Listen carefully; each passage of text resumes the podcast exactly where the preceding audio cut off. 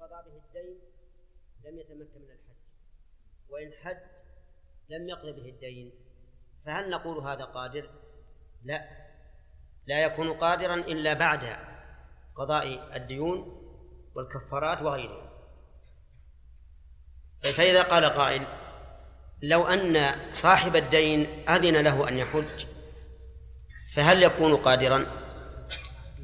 الجواب لا لأن المسألة ليست مسألة إذن أو عدم إذن. المسألة شغل الذمة أو عدم شغلها.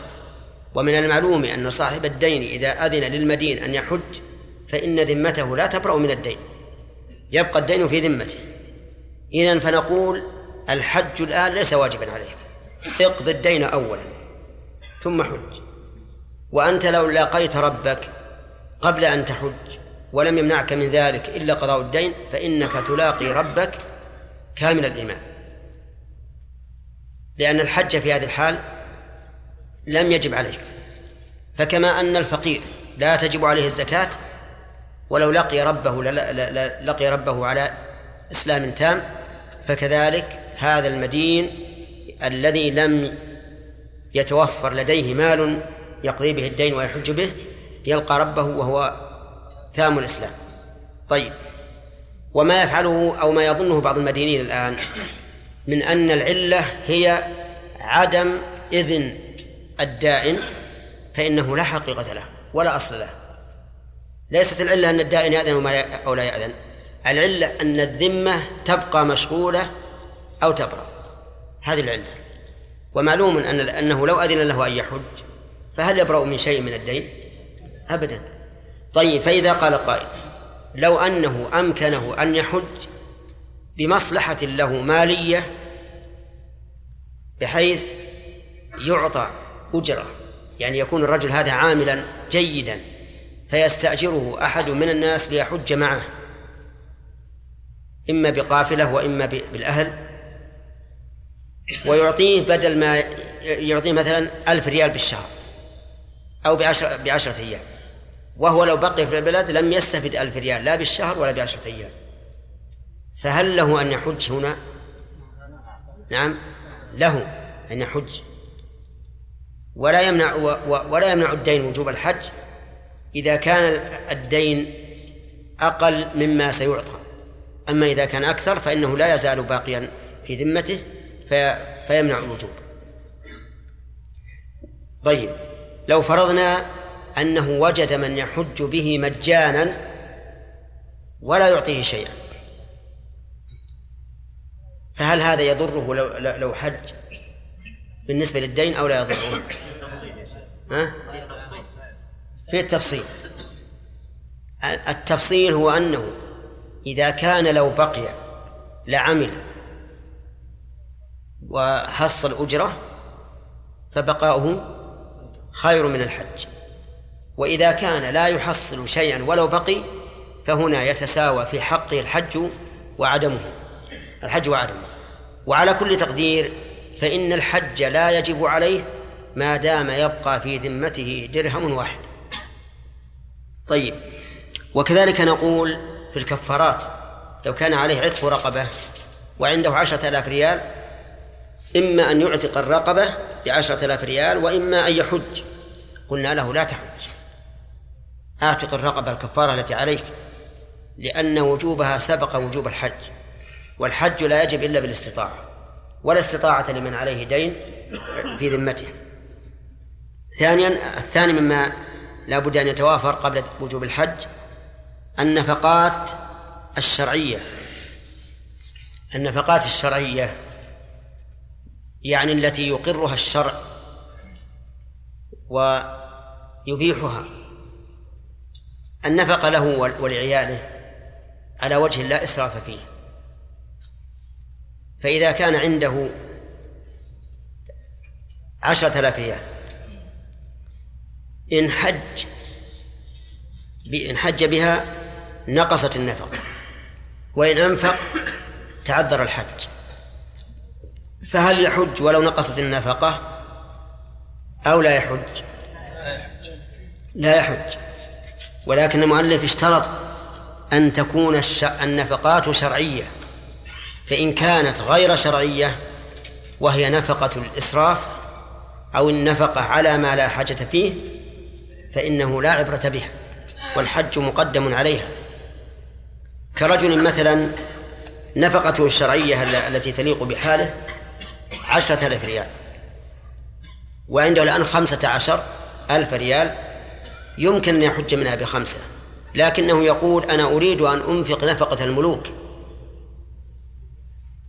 أو نفقة الأغنياء الذين هم أكثر مني غنى لأني في وسط حي كل من فيه وزراء وأغنياء فأحب إذا كان سيارتي واقفة عند بابي أن تكون مثل سياراتهم مع أنه يمكن أن يستغني بسيارة أقل بكثير. فهل هنا نقول إن النفقة التي ينفقها نفقة شرعية؟ لا بل هي نفقة إسراف في حقه ولا عبرة بها. فنقول ما زاد عن النفقة التي تليق بك يجب عليك أن تحج به طيب المؤلف يقول فاضل عن النفقات الشرعية. وإلى كم تحت... كم نقدر هذه الشرعية؟ يعني النفقات الشرعية التي تكفيه في حجه ورجوعه أو في سنته أو على الدوام أو ماذا. الفقهاء يقول رحمهم الله لا بد أن يكون بعد النفقات التي تكفيه وتكفي عائلته على الدوام.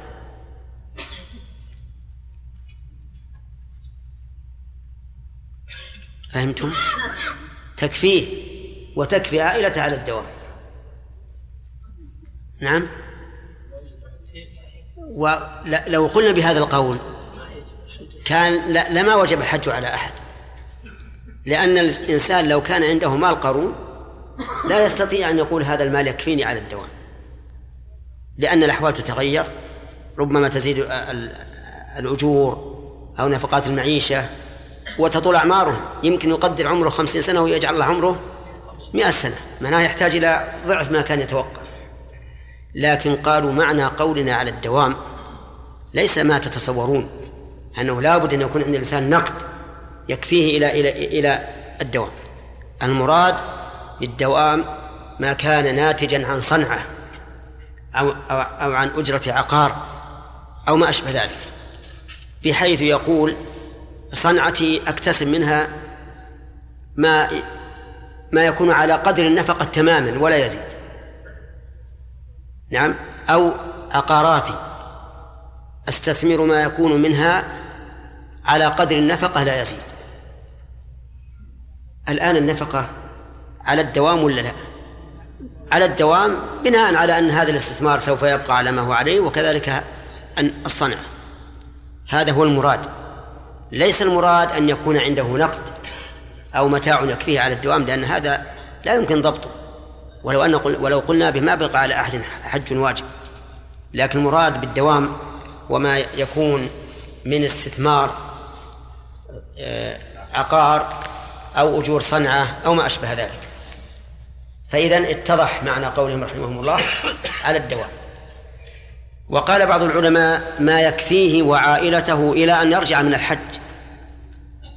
فإذا كان عنده من النفقة ما يكفيه ويكفي عائلته حتى يرجع من الحج وزاد على ذلك شيء يكفيه للحج وجب عليه الحج لأنه إذا رجع إلى أهله فالرزق عند من؟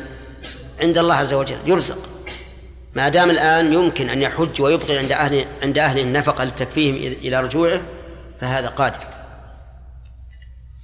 ولو أن ولو أن قائلا يقول نقدر النفقة بالسنة كما قدروها في إيش؟ في في باب الزكاة. أن الفقير من لا يجد كفايته سنة. الفقير والمسكين. لو قال قائل بهذا لم يكن بعيدا. بأن نقول إذا كان عنده من النقود ما يكفيه وعائلته لسنة فزاد على ذلك شيء فإنه يلزمه أن يحج وإن كان دون ذلك فإنه لا يلزمه. وذلك لأنه لا يخرج عن كونه فقيرا إذا لم يكن عنده إلا دون ما يكفيه السنة. الثالث يقول الحوائج الأصلية. لا بد أن يكون ما عنده زائدا عن الحوائج الأصلية. الحوائج الأصلية يعني التي يحتاجها الإنسان كثيرا. يعني هناك حوائج أصلية وحوائج فرعية. مثال الحوائج الأصلية الكتب أقلام ساعات سيارة وما أشبه ذلك. هذه من الحوائج الأصلية هي غير ضرورية لكنها أصلية لا بد لا بد لحياة الإنسان منها.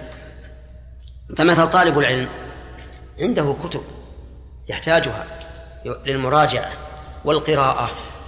فلا نقول له بع كتبك وحج. طيب لو كان عنده نسختان فهل نقول بع إحدى النسختين لتحج؟ أو لا؟ نعم نقول بع إحدى النسختين. فإن كانتا مختلفتين قلنا اختر اختر ما تراه أنسب لك وبيع الأخرى. لأن ما زاد على النسخة الواحدة لا يعتبر من الحوائج الأصلية. فإذا كانتا مختلفتين قلنا انظر ما ما تختاره فأبقه والباقي بعه. عنده أيضا سيارتان لا يحتاج إلا واحدة.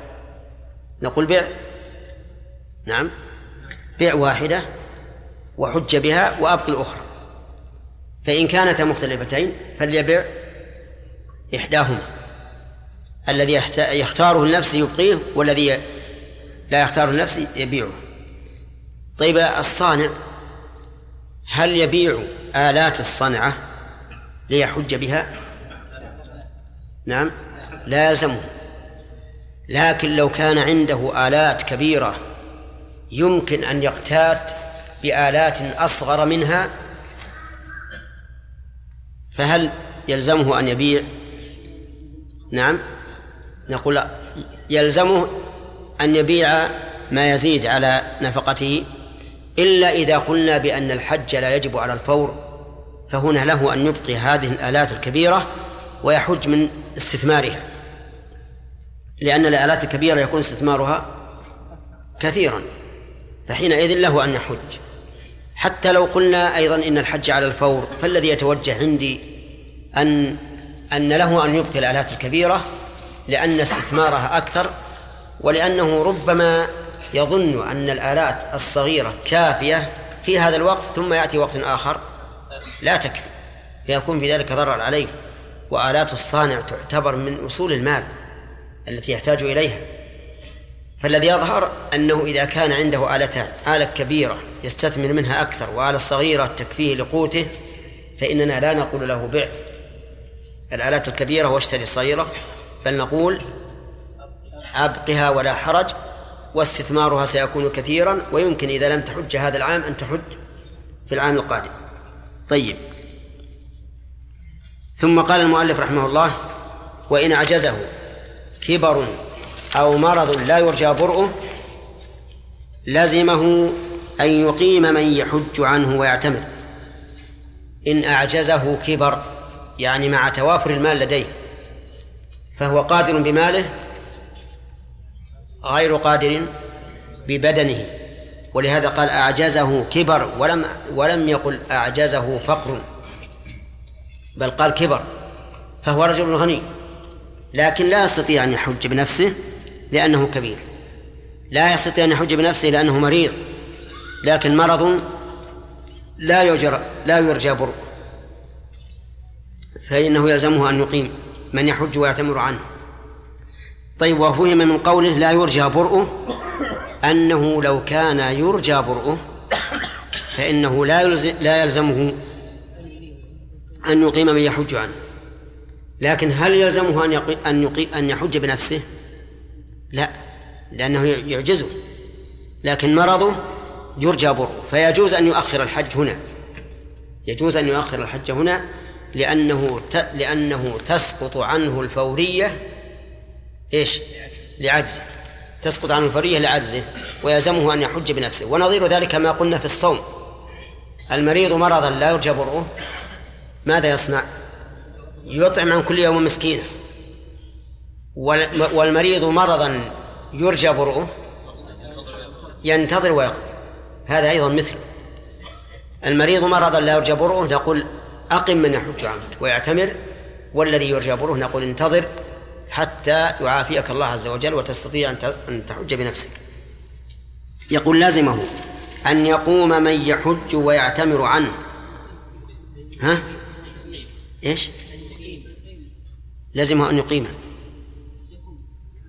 لزمه أن يقيم من يحج ويعتمر عنه من حيث وجب.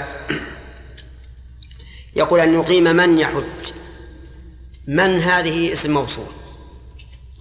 تشمل كل من يصح حجه كل من يصح حجه ولكن لابد أن يكون على الصفة التي يجزئه فيها حج الفرض. لابد أن يكون على الصفة التي يجزئه فيها حج الفرض. فلو أقام عنه صبيا لم يجزئه. لأن الصبي لا يحج لا يصح حجه الفرض عن نفسه فعن غيره أولى. لو أقام رقيقا على القول بأن الحج لا يجزئه. لم يجزئه أيضا.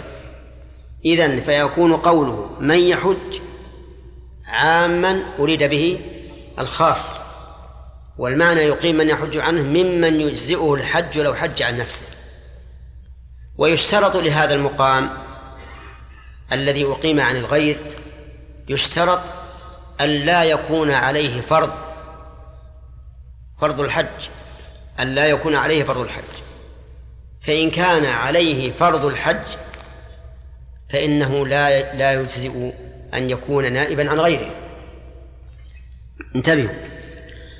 فلو أقام فقيرا يحج عنه أجزأ أو لا؟ أقام فقيرا.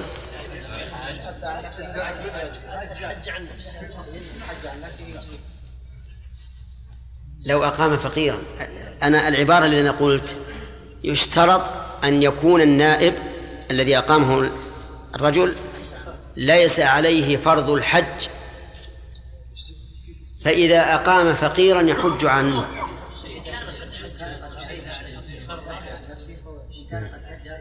نعم لم يجب عليه فرض الحج. إيه. ما فهمتم العبارة جيدا. يشترط لمن يقيمه أن لا يكون عليه فرض الحج. والفقير الذي الذي ليس عنده مال ليس عليه فرض الحج. وعلى هذا فلو أناب فقيرا لم يؤدي الفرض لم يؤدي الحج لأجزأ لأجزه لأن لأن لأن هذا الفقير لم يجب عليه الحج. فهو كالغني الذي أدى الحج عن نفسه. طيب فإن كان فإن أقام عنه غنيا لم يؤدي الفرض عن نفسه فإنه لا يجزئه. والدليل حديث ابن عباس رضي الله عنهما أن النبي صلى الله عليه وآله وسلم سمع رجلا يلبي يقول لبيك عن شبرمة. فقال له النبي صلى الله عليه وآله وسلم حج عن نفسك حجزت عن نفسك؟ قال لا. قال حج عن نفسك ثم حج عن شبرمة وفي بعض ألفاظ الحديث اجعلها لنفسك. وفي بعض ألفاظ الحديث هذه لنفسك. ثم حج عن شبرمة وهذا الحديث اختلف العلماء في رفعه ووقفه. واختلفوا في تصحيحه وتضعيفه. فمنهم من قال إنه ضعيف لأنه مضطرب. لاختلاف ألفاظه. ففي بعضها حج عن نفسك ثم حج عن شبرمه وفي بعضها هذه لنفسك. وفي بعضها اجعلها لنفسك. قالوا هذا اضطرار يتغير به الحكم. وقال بعضهم إن رفعه خطأ. وأنه لا يصح إلا موقوفا على ابن عباس رضي الله عنهما. وقالوا إنه لا وجه للمنع. أي منع من لم يحج عن نفسه في أن يحج من من أن يحج عن غيره. يعني لا وجه أن نمنعه من أن يحج عن عن غيره. بدليل أن الإنسان لو أدى الزكاة بالوكالة عن غيره قبل أن يؤدي زكاة نفسه لكان ذلك جائزا. فما المانع؟ ولكن نقول لا شك أن الأولى والأليق بالمرء أن لا يكون نائبا عن غيره فيما هو فرض عليه حتى يؤدي فرضه أولا. سواء صح هذا الحديث مرفوعا أو صح موقوفا أو لم يصح. فإن النظر يقتضي أن يقدم الإنسان نفسه على غيره لعموم ابدأ بنفسك. ونفسك أحق من غيرك. لكن على المذهب يشترط هذا الشرط. أن أن لا يكون النائب لم يؤدي فرض الحج. فإن أقام من لم يؤدي فرض الحج فإن ذلك لا يصح. طيب لو فرضنا أن هذا الذي أقيم وهو لم يؤدي فرض الحج حج وقال لبيك عن فلان عن الذي وكله فماذا يكون العمل؟ نقول تكون الحجة لهذا الرجل الذي أحج. ويرد النفقة أي الدراهم التي أعطاها من وكله يردها عليه لأن ذلك العمل الذي وكله فيه لم يصح له فيرد عوضه. واضح يا جماعة؟ طيب. يقول المؤلف رحمه الله لازمه أن يقوم من يحج ويعتمر عنه. وعموم كلامه رحمه الله يدل على أنه يجوز أن يقيم الرجل امرأة وأن تقيم المرأة رجلا. من أين نأخذها؟ من عموم الاسم الموصول من؟ وعلى هذا فللرجل أن يوكل امرأة والمرأة أن توكل رجلا. ويدل لذلك حديث ابن عباس رضي الله عنهما أن امرأة قالت يا رسول الله إن أبي أدركته فريضة الله على عباده في الحج. شيخا كبيرا لا يثبت على الراحلة. أفأحج عنه؟ قال نعم. فأذن لها أن تحج عن أبيها وهي امرأة. فدل ذلك على أنه يجوز أن يحج الرجل أن تحج المرأة على عن الرجل ومن باب أولى أن يحج الرجل عن المرأة. طيب. لكن قال المؤلف من حيث وجب. ما انتهى الوقت؟ انتهى الوقت؟ من حيث وجب. ها؟ من حيث وجب أي من المكان الذي وجب على المستنيب أن يحج منه فمثلا إذا كان من من أهل المدينة إذا كان من أهل المدينة ووجب عليه الحج وهو في المدينة يجب أن يقيم النائب من إيه؟ من المدينة ولا بد فلو أقام نائبا من رابغ من الميقات فإن ذلك لا يجزي. طيب لو أقام نائبا من مكة فهو من باب أولى. يجب أن يقيمه من البلد الذي وجب عليه الحج فيه وهذا وجب عليه الحج وهو في المدينة. وبناء على هذا لو أننا لو أن صاحب المدينة وكل شخصا في مكة يحج عنه لم يصح لأن الواجب أن يقيم من المكان الذي وجب عليه الحج فيه. ما ما هي العلة؟ قالوا لأن هذا الرجل لو أراد أن يحج لنفسه من أين ينطلق؟ من مكان من المدينة. فكذلك نائبه وهذا القول ضعيف. وهذا القول ضعيف. لأن المنيب إنما يلزمه أن ينطلق من بلده لأنه لا يتمكن أن يقفز خطوة واحدة ويصل إلى مكة نعم أليس كذلك؟ ولهذا لو أن هذا المنيب في مكة قد سافر إليها لغرض غير الحج إما لدراسة أو غيرها ثم أراد أن يؤدي أن يحرم بالفرض من مكة هل نبيح له ذلك؟ أو نقول اذهب إلى المدينة لأنك من أهل المدينة والحج واجب عليك في المدينة الأول نقول لا بأس أن يحرم بالحج من مكة. إذا لا بأس أن يحرم النائب من مكة. والسعي من المدينة إلى مكة ليس سعيا مقصودا لذاته وإنما هو سعي مقصود إيش؟ لغيره لعدم إمكان الحج إلا بالانطلاق من المدينة. واضح؟ فالقول الراجح أنه لا يلزمه أن يقيم من يحج عنه من مكانه وله أن يقيم من يحج عنه من إيش؟ من مكة. ولا حرج عليه في ذلك. نعم. قول قال قبل سأل من قبل. الشيخ يقول أو مرض لا يرجى نعم. آه، قلنا فهم أنه لو كان يرجى برؤه لا يجزي. لو أقام. ما هل يكون عن المنيب؟ يكون عن المستنيب عن المستنيب نعم. نعم. لو حج الإنسان عن نفسه ها؟ لو حج الإنسان عن نفسه فرضا ثم مات قبل قبل يوم عرفة. فلو هل يقاس على هذه المسألة؟ كما لو أناب عن غيره فرضا فمات المنيب قبل يوم عرفة. هل مات المنيب وهو في بلده؟ ولا النائب؟ مات النائب في مكة قبل أن يسقط عنه. قبل قبل الحج. يعني نعم قبل الحج قبل يوم عرفة. نعم. هل يسقط عنه؟ لا لا يسقط. لا لا يسقط عنه. نعم. لأنه ما تم ولهذا نقول لو مات النائب فإنه يستناب من يكمل عنه. حتى يقع الحج صحيحا عن المستنيب. في يوم عرفة أو قبله. فإن لم يوجد فإنه فإن الثاني المستنيب الذي الذي جعله نائبا يؤدي الفريضة مرة ثانية ويرجع إن أمكن بما أعطى هذا الرجل وإذا لم يمكن سقط عنه.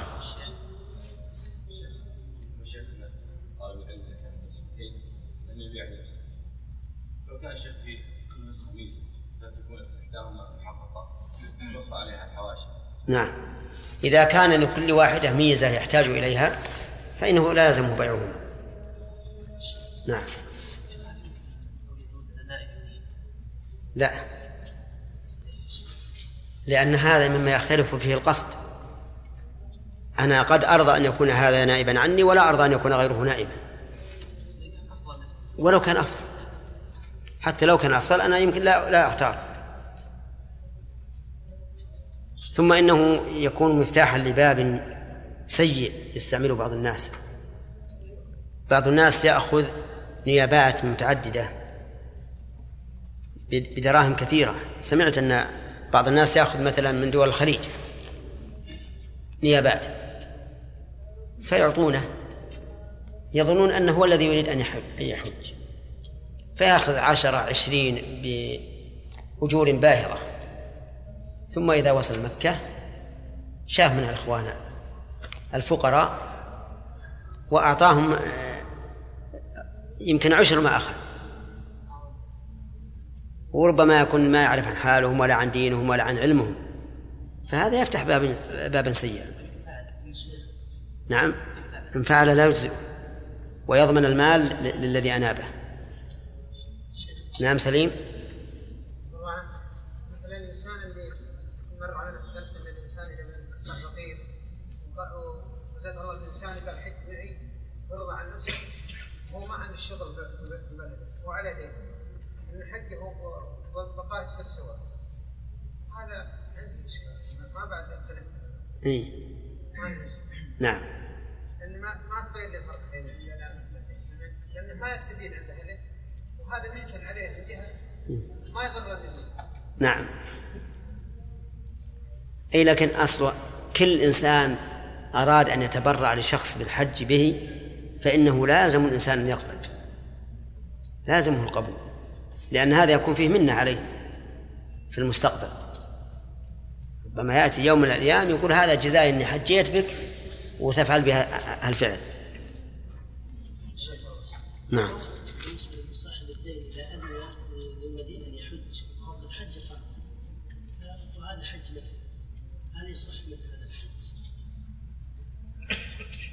الظاهر أنه يصح الحج لكنه يكون آثما. آثما. لأنه حج لأن هذا الحج يؤدي إلى تأخر قضاء الدين. أحيانا ما يؤثر نعم. أحيانا تكون التكلفة قليلة جدا حتى كم؟ كم تكون التكلفة؟ كم؟ 300 ريال. والدين كم؟ ثلاثة ملايين. الدين ثلاثة ملايين. إذا وفر 300 ريال صار الدين ثلاث ثلاثة ملايين إلا إلا 300 ريال. لا لا غلط. هذا الحين قطرة مع قطرة تأتي غديرا. هذا من من جهل بعض الناس. يستخف لكن لو إنه كل ما حصل ريال أعطى م- الدائن لكان ينتهي. أما يقول والله هذا يسير هذا 300 ريال بسيطة والمرة الثانية تجي 300 ريال بعد بسيطة هذا- مو صحيح. نعم. انتهى؟ طيب. أنا عندي اضعف من اول والله ما ندري. أنت تسمعون المتأخرين؟ الصوت. واضح؟ نعم. نعم. في كلمة. لكن ما رأيكم؟ ن- نأجل الكلمات في هذا نعم. نعم. و... تسمح لي يا محمد؟ سبحان الله سم. لا لا قراءة.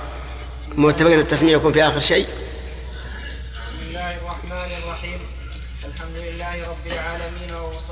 واسلم على أشرف الأنبياء والمرسلين نبينا محمد وعلى آله وصحبه أجمعين صلى الله وسلم قال عليه. المؤلف رحمه الله تعالى ويجزئ عنه وان عوفي بعد الإحرام ويشترط لوجوبه على المرأة وجود وهو زوجها أو من تحكم عليه على التأبيد بنسب أو سبب مباح وإن مات من لزمها من لزمه أخرج أخ- وإن مات من لزماه أخرج من تركته بسم الله الرحمن الرحيم.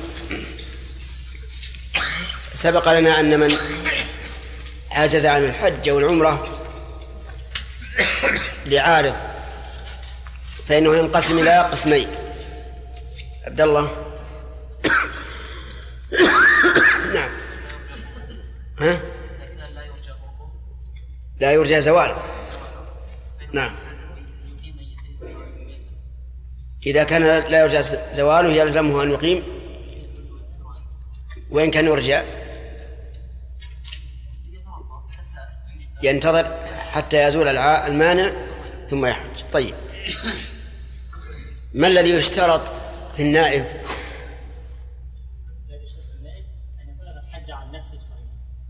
هذا واحد. أن يكون قد حج عن نفسه الفرض هذا واحد. والثاني؟ نعم. يصح حجه عن نفسه إن إن صح حجه عن نفسه. احترازا من إيش؟ احترازا من مثلا من العبد والصبي نعم. نعم. أن يكون يجزئ الحج عن نفسه. احترازا من الصبي والعبد. فلا يصح أن أن ينيب عبدا أو صبيا. طيب. نعم. لا يصح. يصح أن يحج عن نفسه وعن غيره. طيب. من أين من أين ينطلق النائب؟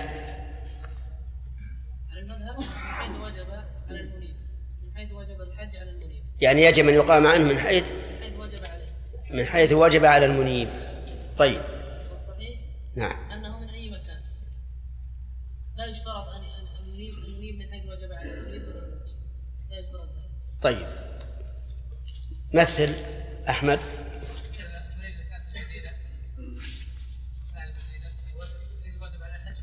نعم. أن ينطلق من المدينة.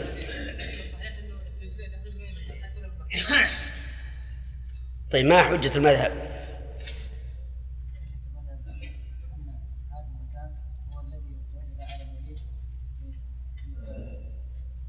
حجة المذهب أن هذا المكان هو الذي وجب على المنيب أن يحج منه. فوجب على نائبه أن يحج منه. طيب. ما حجة القول الصحيح يا خالد؟ اي لك ما هو ما هو حجة القول الصحيح؟ لأن هذه لأن طريق ليس مقصود لذاته نعم. لأن الطريق مقصود لغيره لا لذاته والمقصود الحج. فمتى حصل؟ أجزأ. هل له دليل في حق المنيب؟ يعني أو قياس؟ نعم. شوف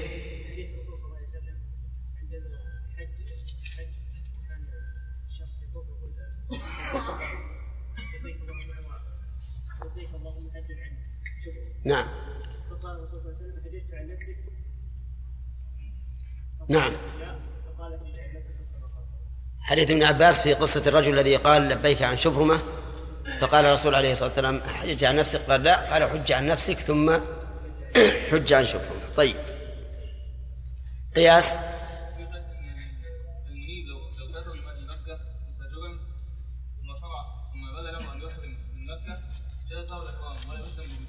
تمام. قياس نقول لو أن المنيب ذهب إلى مكة لحاجة لغير لغير النسك ثم بدا له من هناك أن أن يحرم لا لا صح. فإذا كان هذا في الأصل ففي الفرع من باب أولى. طيب. ثم قال المؤلف رحمه الله درس ابتداء درس الليلة ويجزئ عنه وإن عوفي بعد الإحرام. يجزئ الضمير يعود الحج. عنه الضمير يعود على المنيب. وإن عوفي الضمير يعود على المنيب أيضا. بعد الإحرام أي بعد إحرام النائب. يعني لو أن المنيب الذي كان مريضا وكان يظن أن مرضه لا يرجى برؤه. عافاه الله عز وجل بعد أن أحرم النائب فإن الحج يجزئ عن عن المنيب يجزئ فرضا.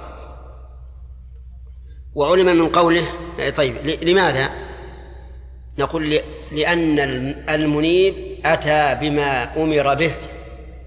من إقامة غيره مقامة ومن أتى بما أمر به برئت ذمته مما أمر به. وهذا واضح. وفهم من كلام المؤلف أنه إن عوفي قبل الإحرام فإنه لا يصح لا يجزئ فإنه لا يجزئ عن المنيب. لو عوفي قبل الإحرام فإنه لا يجزئ عن المنيب. لماذا؟ نقول لأنه لم يشرع في النسك الذي هو الواجب فصار وجوب الحج على المنيب بنفسه قبل أن يشرع هذا في النسك الذي أنابه فيه. فلازمه أن يحج بنفسه. ولكن يبقى عندنا إشكال. هذا النائب الآن قد تكلف وسافر إلى مكة ووصل إلى الميقات ولكنه لم يحرم بعد. ماذا تكون حاله بالنسبة للنفقة؟ ذهابا وإيابا. ثم إن هذا الرجل عن النائب سوف يقول في إحرامه لبيك عن عن فلان. نقول جواب هذا الإشكال. إذا علم النائب بأن المنيب قد عوفي قبل أن يحرم فما فما فعله بعد فما فعله بعد ذلك؟ فهو على نفقته. لأنه علم أنه لا يجزئه حجه عن منيبه. وأما ما عمله قبل ذلك من النفقات فإنه على النائب على المنيب. فإنه على المنيب. مثال ذلك لنفرض أنه أنفق منذ سافر من البلد إلى أن وصل إلى الميقات ألف ريال. ثم عوفي صاحبه قبل أن يحرم. نقول الآن لا, لا يجزي أن يحرم عنه. فعلى المنيب كم؟ ألف ريال. لأن هذا أنفقها بأمره قبل أن ينفسخ أو قبل أن ينتهي مدة نيابته. ما بعد ذلك يكون على على النائب إن استمر في السير. أما إذا رجع إذا رجع فالرجوع على من؟ نفقة الرجوع على المنيب. لأن هذا النائب إنما سعى من البلد لمصلحة المنيب. فما غرمه فإنه يكون على على هذا المنيب. نعم وبذلك يزول الإشكال. فإن قدر أن النائب لم يعلم بشفاء صاحبه واستمر وأدى الحج فماذا يصنع الآن؟ نقول هذا الحج لا يجزي عن النائب لا عن المنيب لكنه يكون نفلا في حقه ويلزمه وتلزمه النفقة أو الأجرة التي قدرها للنائب تلزم المنيب لأن هذا النائب لم يعلم وتصرف الوكيل قبل علمه بانفساخ الوكالة أو زوالها يكون صحيحا نافذا. كما لو وكلت شخصا يبيع لك شيئا ثم عزلته عن الوكالة ولم يعلم بالعزل حتى تصرف فإن تصرفه يكون صحيحا استنادا على الوكالة الأولى التي لم يعلم بأنها فسخت. طيب. قال ويشترط يشترط لوجوبه على المرأة وجود محرمها.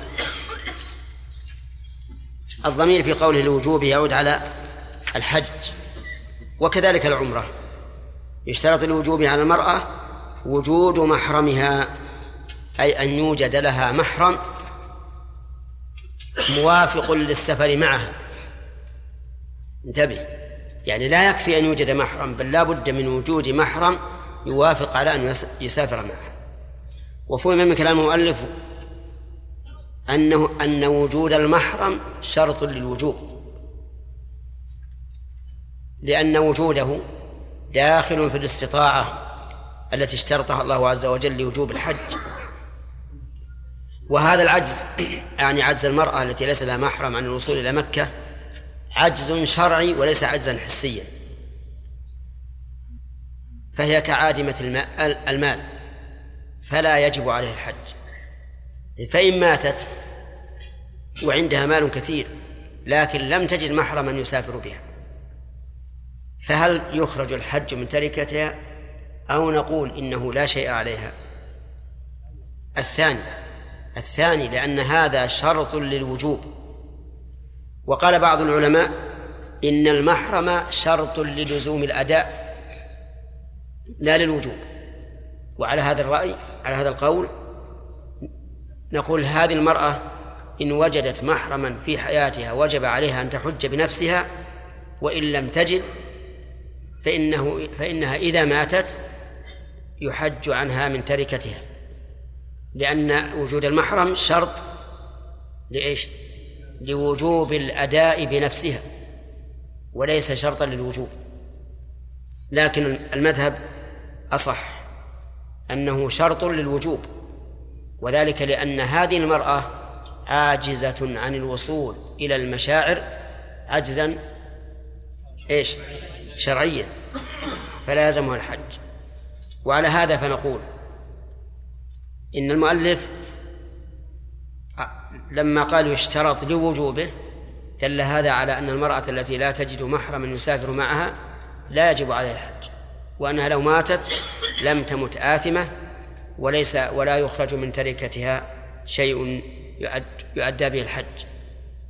طيب القول الثاني في هذا أنه شرط للزوم الأداء يعني شرط للزوم الأداء بنفسه وليس شرطا للوجوب.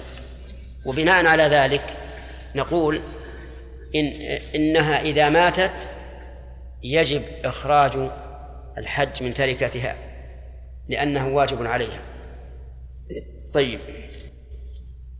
يقول يشترط لوجوب المرأة وجود محرمها وهو أي المحرم زوجها أو من تحرم عليه على التأبيد بنسب أو سبب مباح. طيب. يقول المحرم هو الزوج. أو من تحرم عليه على التأبيد بنسب أي بقرابة أو سبب مباح. والسبب المباح ينحصر في شيئين الأول الرضاع والثاني المصاهرة. أما أما النسب فالمحرم هو الأب والابن والأخ والعم وابن الأخ وابن الأخت والخال. كم هؤلاء؟ هؤلاء سبعة. الأب والابن والأخ والعم والخال وابن الأخ وابن الأخت. هؤلاء سبعة. هؤلاء محارم بالنسب. هؤلاء يحرمون على التأبيد أو أو أو إلى أمد. على التأبيد. طيب السبب المباح قلنا ينحصر في شيئين. المصاهرة والرضاع فالرضاع المحرم من الرضاع كالمحرم من النسب سواء. فيكون محرمها من الرضاع أبوها من الرضاع ابنها من الرضاع أخوها من الرضاع عمها من الرضاع خالها من الرضاع ابن أخ أخيها من الرضاع وابن أختها من من الرضاع سبعة من الرضاع وسبعة من النسب. هؤلاء كم؟ أربعة عشر. المحارم بالمصاهرة أربعة أنواع. أربعة أنواع. أبو زوج المرأة وابن زوج المرأة. وزوج أم المرأة وزوج بنت المرأة. المحارم بالمصاهرة أربعة أنواع. أبو زوج المرأة وابن زوج المرأة. وزوج أم المرأة وزوج بنت المرأة لكن ثلاثة يكونون محارم بمجرد العقد. وهم أبو زوج المرأة وابن زوج المرأة وزوج بنت المرأة. نعم. أما زوج أمها فإنه لا يكون محرما إلا إذا دخل بها. واضح؟ زوج أمها لا يكون محرما لها إلا إذا دخل بأمه وقول المؤلف بسبب مباح خرج من خرج منه ما ثبت التحريم به بسبب محرم. مثل أم المزني بها وأم الملوط به وبنتها. على القول بأن ذلك يوجب التحريم. يعني رجل زنى بامرأة. رجل زنى بامرأة. فهل تكون فهل يكون محرما لأمها؟ لا. أمها حرام عليه؟ لا حرام عليه على التأبيد. أمها حرام عليه على التأبيد. بنتها حرام عليه؟ على التأبيد. بالكم جماعة. ومر علينا هذا في المحرمات في النكاح.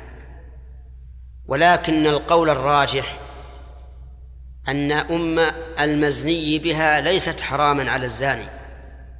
وأن بنت المزني بها ليست حراما على الزاني.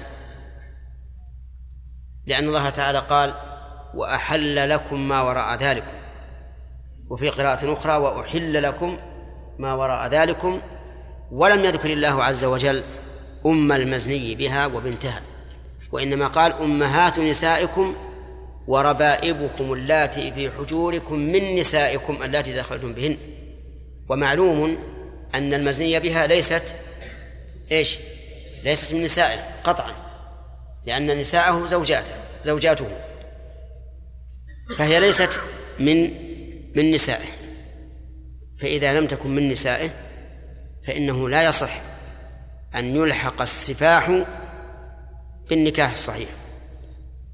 فالقول الراجح أن أم المزني بها وبنت المزني بها ليست حراما على الزاني. فإذا تاب من الزنا جاز أن يتزوج أم المزني بها وبنتها. طيب الموطوءة بشبهة. هل تدخل في ذلك أو لا؟ بمعنى لو وطئ امرأة بشبهة شبهة عقد أو شبهة اعتقاد. فهل أمها محرم فهل هو محرم لأمها؟ نعم. المذهب لا. لأن هذه المرأة الموطوءة بشبهة لا تحل له في باطن الأمر. فتحريم أمها أو بنتها بسبب غير مباح. واختار شيخ الإسلام ابن تيمية رحمه الله أن أم الموطوءة بشبهة وبنتها من محارمه. قال لأنه حين وطئ هذه المرأة يظنها من حلائله. فيترتب على هذا الوطئ ما يترتب على الوطئ المباح. وعلى هذا فمن وطئ امرأة بشبهة فإن أمها تكون حراما عليه وهي من محارمه أيضا. وبنتها كذلك حرام تكون حراما عليه وهي من محارمه فصار ال- المذهب أن التسوية بين المزني بها والموطوءة بشبهة. في أن أمها وبنتها ليست من محارم الواطئ والصحيح التفريق بينهما.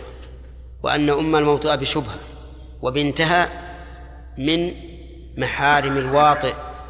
لأنه وطئ حين وهو يظن أنه وطء حلال. ولنضرب لهذا مثلا. رجل تزوج امرأة. تزوج امرأة. ثم بعد ذلك تبين أنها أخته من الرضاعة وطئه إياها بشبهة. لأنه لا يعلم التحريم حين الوطئ. فهل نقول إن أم هذه الزوجة حرام عليه؟ نقول نعم هي حرام عليه. لا إشكال في هذا. لكن هل هي من محارمه؟ الجواب نعم هي من محارمه. لأنه حين وطئ المرأة التي تزوجها يعتقد أنها حلال له. فهذا وطئ شبهة. والخلاصة أن المحرم من تحرم عليه؟ على التأبيد. بنسب أو سبب مباح والسبب شيئان الرضاع والمصاهرة طيب. إذا تزوج هل المرأة التي تحرم عليه إلى أمد من محارمه؟ كأخت زوجته مثلا. ليست من محارمه لأنها ليست على التأبيد على أننا نبهناكم حين شرح المحرمات وقلنا إن أخت الزوجة ليست حراما على الزوج. الحرام هو الجمع. ولهذا قال الله تعالى وأن تجمعوا بين الأختين وقال النبي صلى الله عليه وآله وسلم لا يجمع بين المرأة وعمتها ولا بين المرأة وخالتها نسأل الأخ خالد من هو المحرم؟ محرم المرأة من؟ هذا نعم. أو من تحرم عليه على التأبيد. بنسب أو سبب مباح. طيب هل يشترط للمحرم شروط؟ الجواب نعم. يشترط أن يكون مسلما. فإن كان كافرا فليس بمحرم. وظاهر كلام الأصحاب أنه ليس بمحرم سواء كانت المرأة موافقة له في الدين أم مخالفة. وبناء على ذلك يكون الأب الكافر ليس محرما لابنته الكافرة. ويكون الأب الذي لا يصلي غير محرم لابنته التي تصلي. عرفتم لماذا؟ لأنه من شرط المحرم أن يكون مسلما. وغير المسلم ليس بمحرم. ولكن الصحيح خلاف ذلك. وأن من و... وأن الإنسان محرم لمن يوافقها في الدين. فأبو المرأة الكافرة إذا كان كافرا يكون محرما لها. ولا نمنعه من السفر هو وابنته مثلا. طيب. الأب الكافر يكون محرما للمسلمة؟ نقول يكون محرما لها. لكن بشرط أن يؤمن عليها. فإن كان لا يؤمن عليها فليس محرم ولا تمكن من السفر معه. طيب. يشترط أيضا أن يكون بالغا فالصغير لا لا يكفي أن يكون محرما. ووجه ذلك أن المقصود من المحرم حماية المرأة. وصيانتها. ومن دون البلوغ لا يحصل منه ذلك. طيب يشترط أن يكون عاقلا. فالمجنون لا يصح أن يكون محرما ولو كان بالغا لأن الم... لأنه لا يحصل بالمجنون حماية المرأة وصيانتها وكفايتها. يقول وهو زوجها أو من. أو من تحرم عليه. نعم الشروط الآن كم صارت؟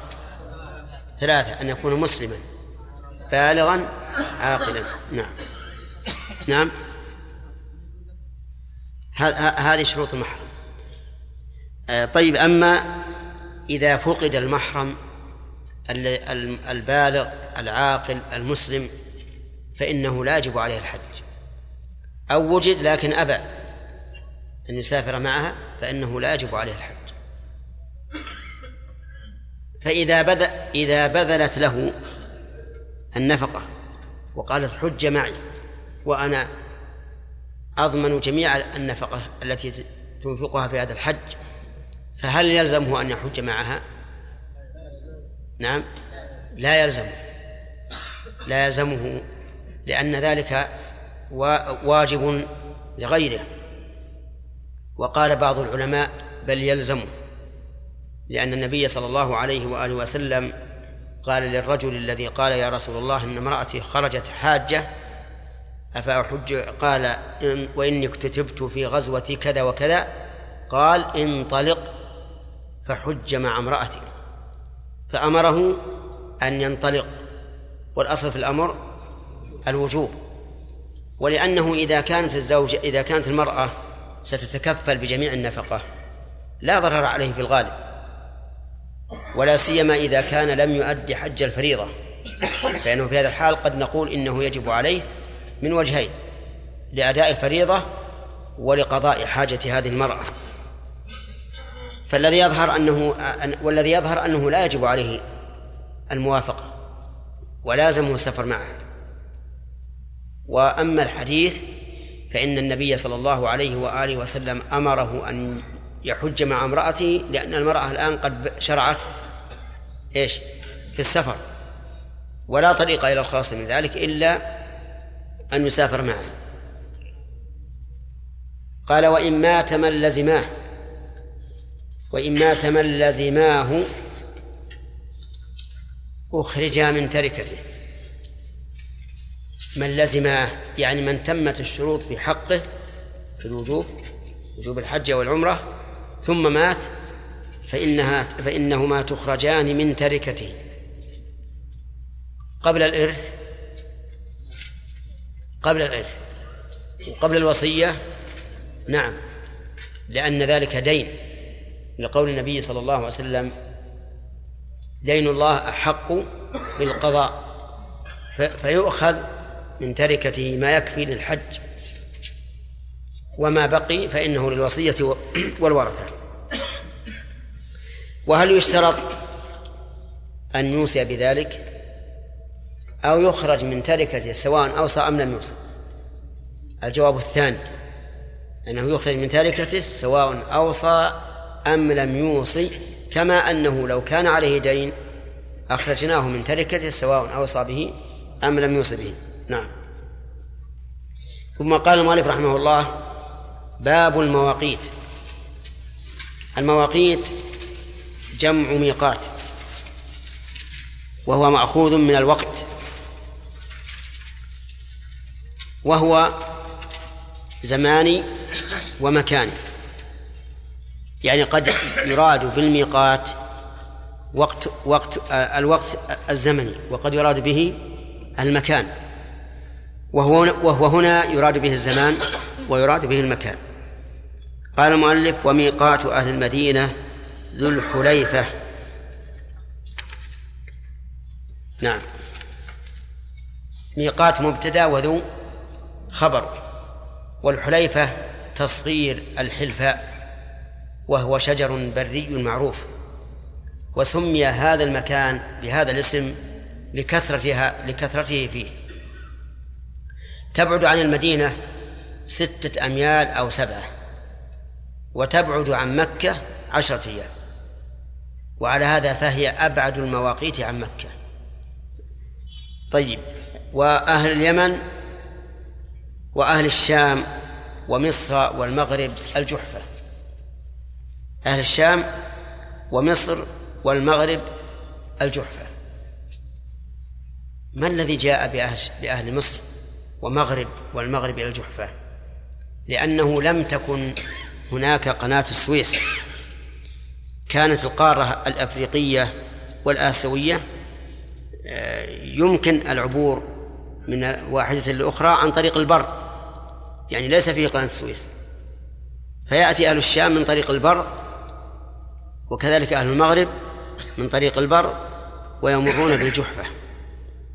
والجحفة قرية قديمة. اجتحفها السيل واجترفها وزالت. وكذلك أيضا حل بها الوباء الذي دعا النبي صلى الله عليه وسلم أن ينقله من المدينة إلى الجحفة. فقال اللهم اللهم انقل حماها أي حمى المدينة إلى الجحفة.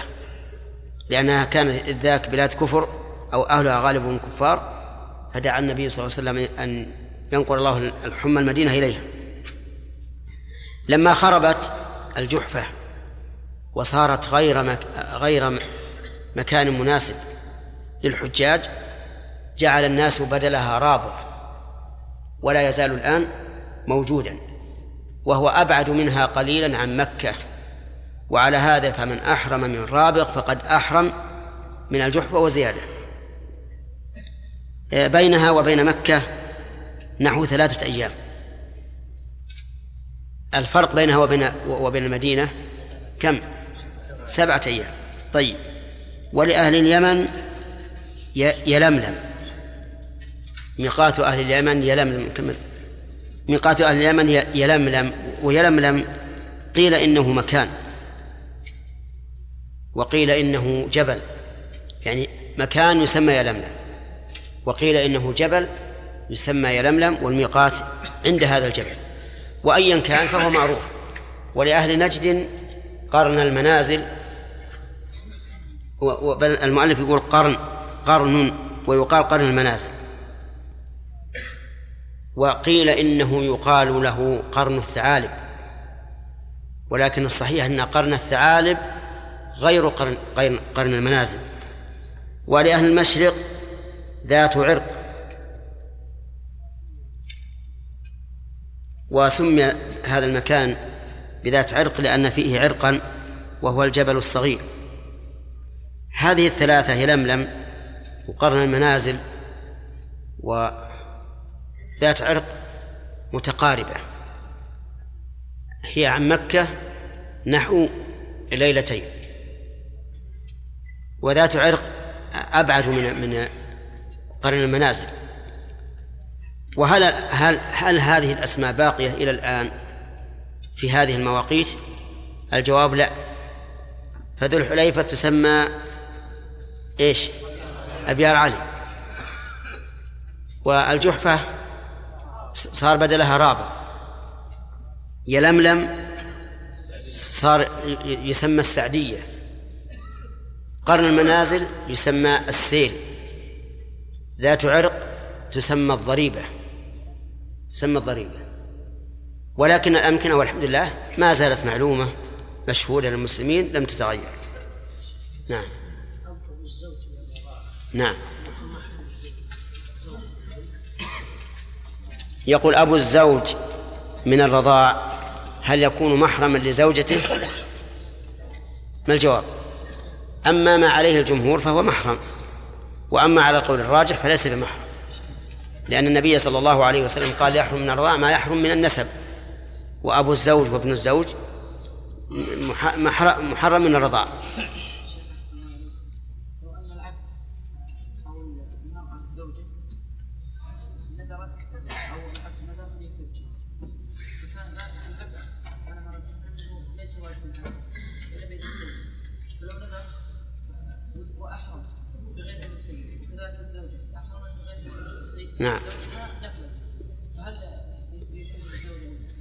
إذا أحرم العبد بلا إذن سيده فلزو... فلسيده أن يحلله.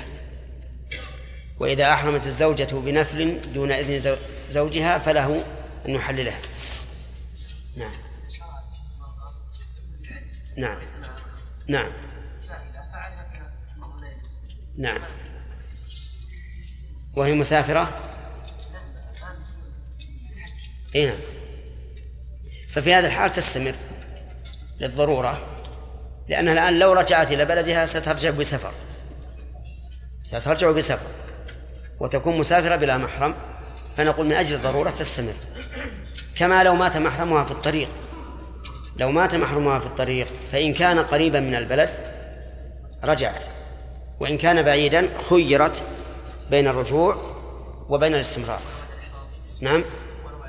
وشلون؟ نعم. نعم.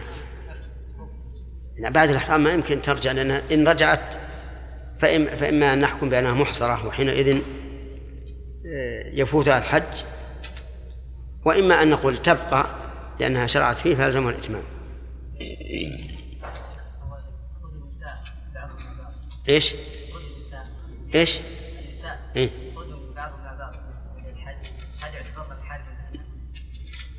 ركوبهن ركوبهن مع بعض إيه؟ نعم. واحدة اي لا.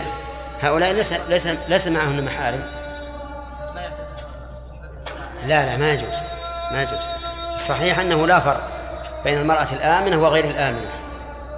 حتى الآمنة التي معها النساء ولا تخشى على نفسها لا يحل لها أن تسافر. لأن الرسول عليه الصلاة والسلام لم يقل للرجل هل امرأتك آمنة أو غير آمنة. نعم. إيش؟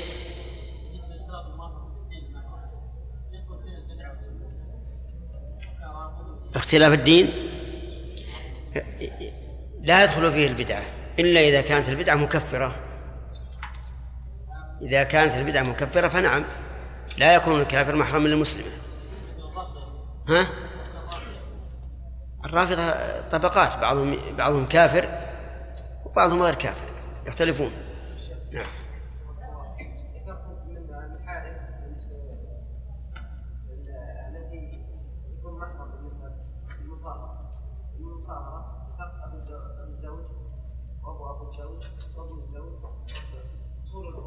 نعم. لكن ما بالنسبة اذا كان زوج مثلا امرأة زوج ابنته نعم.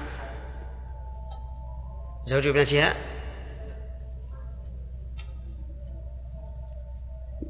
زوج ابنتها تكون المرأة أم زوجته. ولا لا؟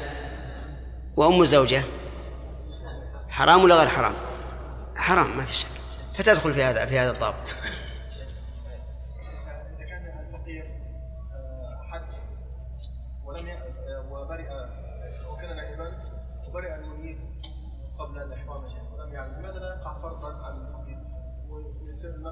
كيف؟ لماذا لا يقع الفقير فرضا ويكون الأجرة يتحملها يؤديها المنيب قبل الإحرام. إيه. إذا إذا عوفي المنيب قبل الإحرام. ثم هذا النائب سيحج على أنه لزيد الذي الذي أنابه مو عن نفسه. إيه. لم يجب عليه الفرض. هذا الرجل الآن لم يجب عليه الفرض. لأنه معسر. نعم. ما رأيك في أصل توكيل الناس في أداء الحج؟ عن عن من ادى فريضة عن نفسه لكن يريد أن يحج وهو غير قادر نعم. يوكل غيره. يعني هل تجوز الاستنابة في حج النفل؟ قصدك؟ إيه، في حج النفل. وإنسان أدى الفريضة. ويريد أن يوكل من يحج عنه حج تطوع. من العلماء من يقول يجوز إذا جاز أن ينيب في حج الفريضة. يعني بأن كان هذا المنيب مريضا مرضا لا يرجى برؤه أو كبيرا أو ما أشبه ذلك. أما الإنسان الصحيح فإنه لا يجوز أن ينيب عنه أحدا في النفل. وهذا هو الصحيح. لكن هذا هو الصحيح. أما المذهب فيجوز. فيجوز للإنسان القادر أن يتفق مع شخص بأن يحج عنه. والصحيح أنه لا يجوز لأنه لم يرد إلا في العاجز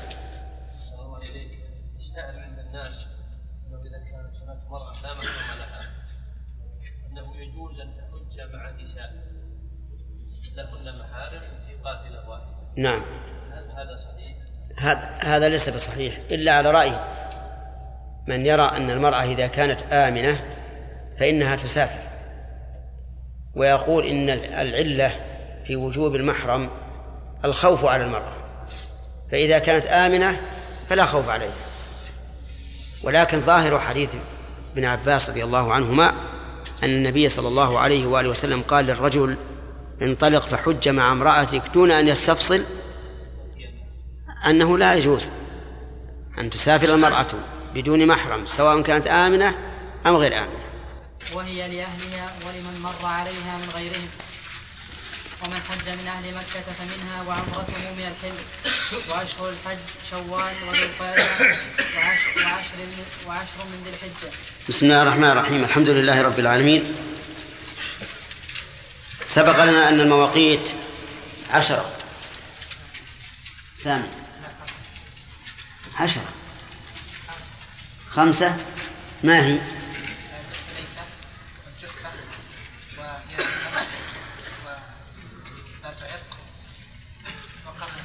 نعم. خمسة. طيب ذو الحليفة ميقات لمن؟ لأهل المدينة. الجحفة؟ يلملم قرن المنازل. شيخ سماء نعم. لأهل نجد ذات عرق. لأهل المشرق. هذه المواقيت هل وقتها الرسول عليه الصلاة والسلام أم هي باجتهاد من الصحابة يا بن داود؟ السؤال. هل هذه وقتها الرسول أم هي باجتهاد من الصحابة؟ أنها من الرسول وهي.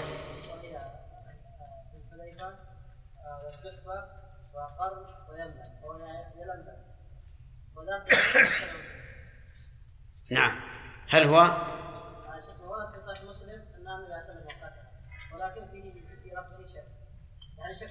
نعم. وصح عن عمر أنه وقتها. طيب. ما اسم ذي الحليفة في العرف؟ أنا أريد آدم لكن ما خالف. بيار علي. الجحفة ما اسمها في العرف يا آدم؟ ها؟ اسمها رابغ الآن. ها؟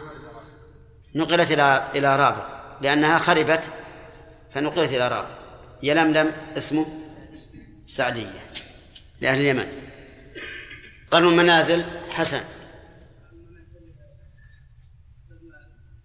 إيش؟ إيش؟ السيل الكبير صح. الضريبة عبد المنان. ذات عرق. ها. طيب. ما هي أبعد المواقيت عن مكة يا خالد؟ ذو الحليفة. ثم؟ ثم الجحفة. والثلاث الباقية؟ متقاربة. طيب. نبدأ الآن درس الجديد إن شاء الله. يقول قائل لماذا هذا التفريق بين هذه المواقيت؟ فبعضها بعيد وبعضها قريب. والجواب على هذا السؤال أنه لا ينبغي إيراده لأن هذا السؤال نظيره أن يقول قائل لماذا كانت الظهر أربعا والعصر, أربعا والمغرب ثلاثا والفجر اثنتين؟ لماذا لم تكن الظهر ثمانيا؟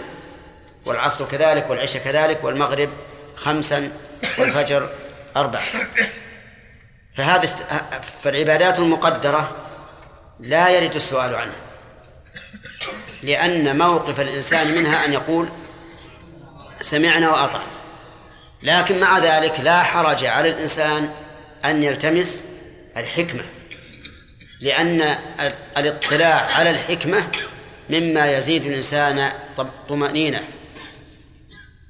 الحكمة والله أعلم أنه أن أنه بعد ميقات أهل المدينة من أجل أن يقرب أن تقرب خصائص الحرمين بعضهما من بعض.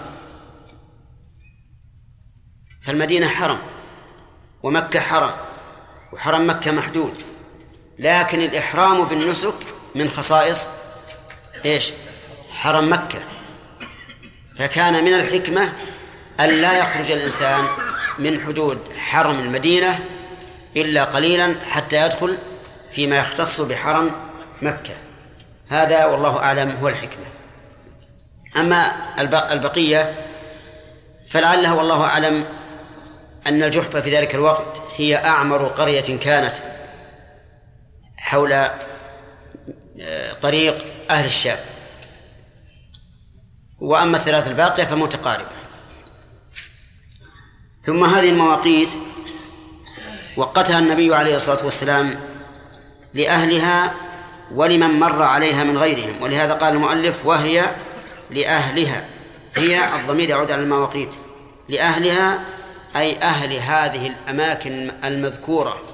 المدينة الشام اليمن آه، نجد المشرق. هذه المواقيت لأهل هذه البلاد. ولمن مر عليها من غيرهم. إذا مر أحد من أهل نجد بميقات أهل المدينة فإنه يحرم منه ولا يكلف أن يذهب إلى أهل المدينة إلى ميقات أهل نجد. وإذا مر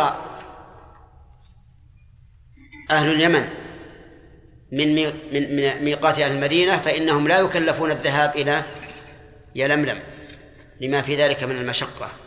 فكان من تسهيل الله عز وجل أن من مر بهذه الميقات المواقيت فإنه يحرم من أول ميقات يمر به.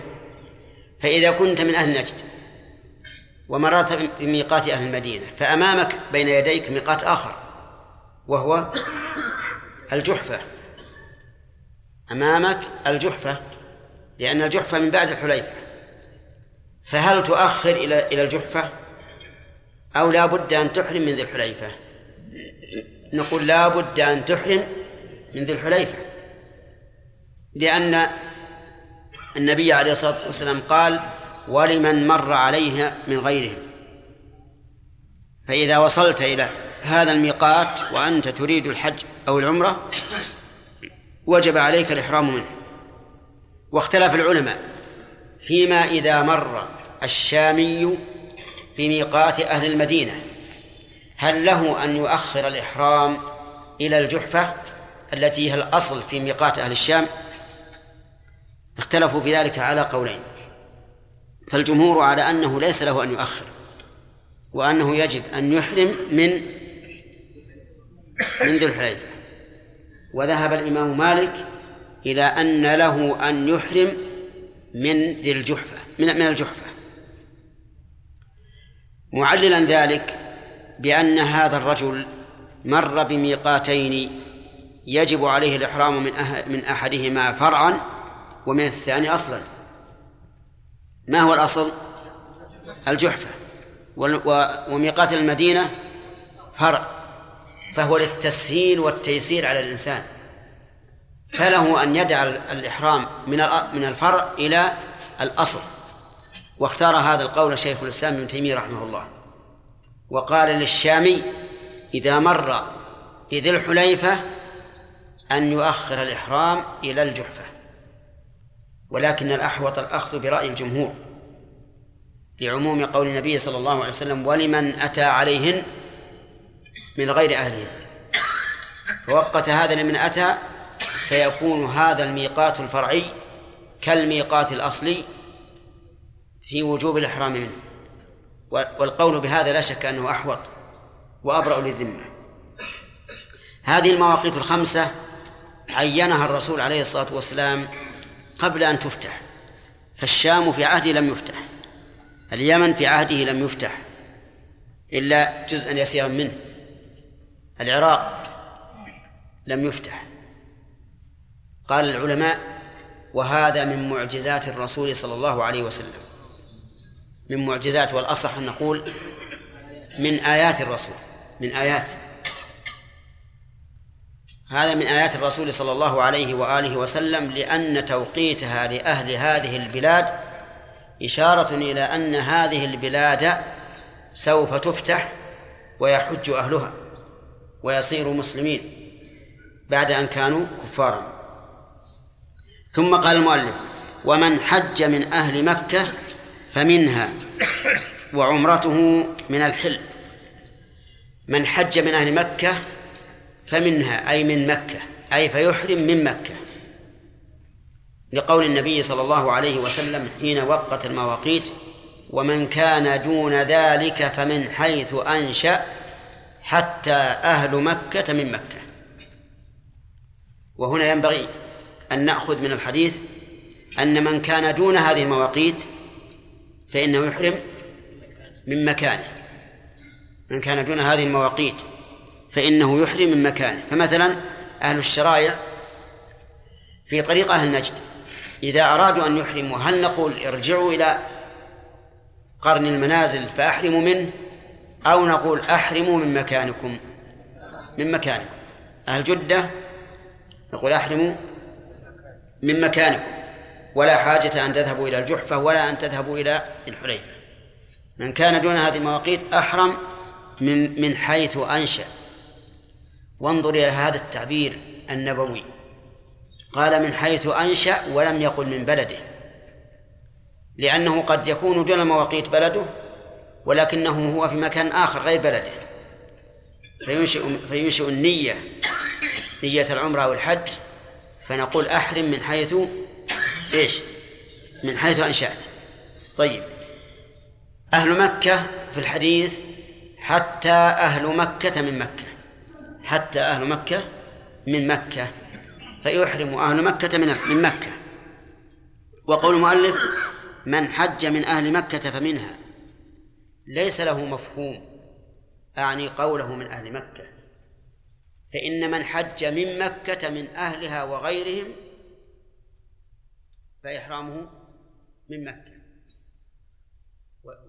فلا فلا مفهوم للعبارة. ولو كانت العبارة ومن حج من مكة فمنها.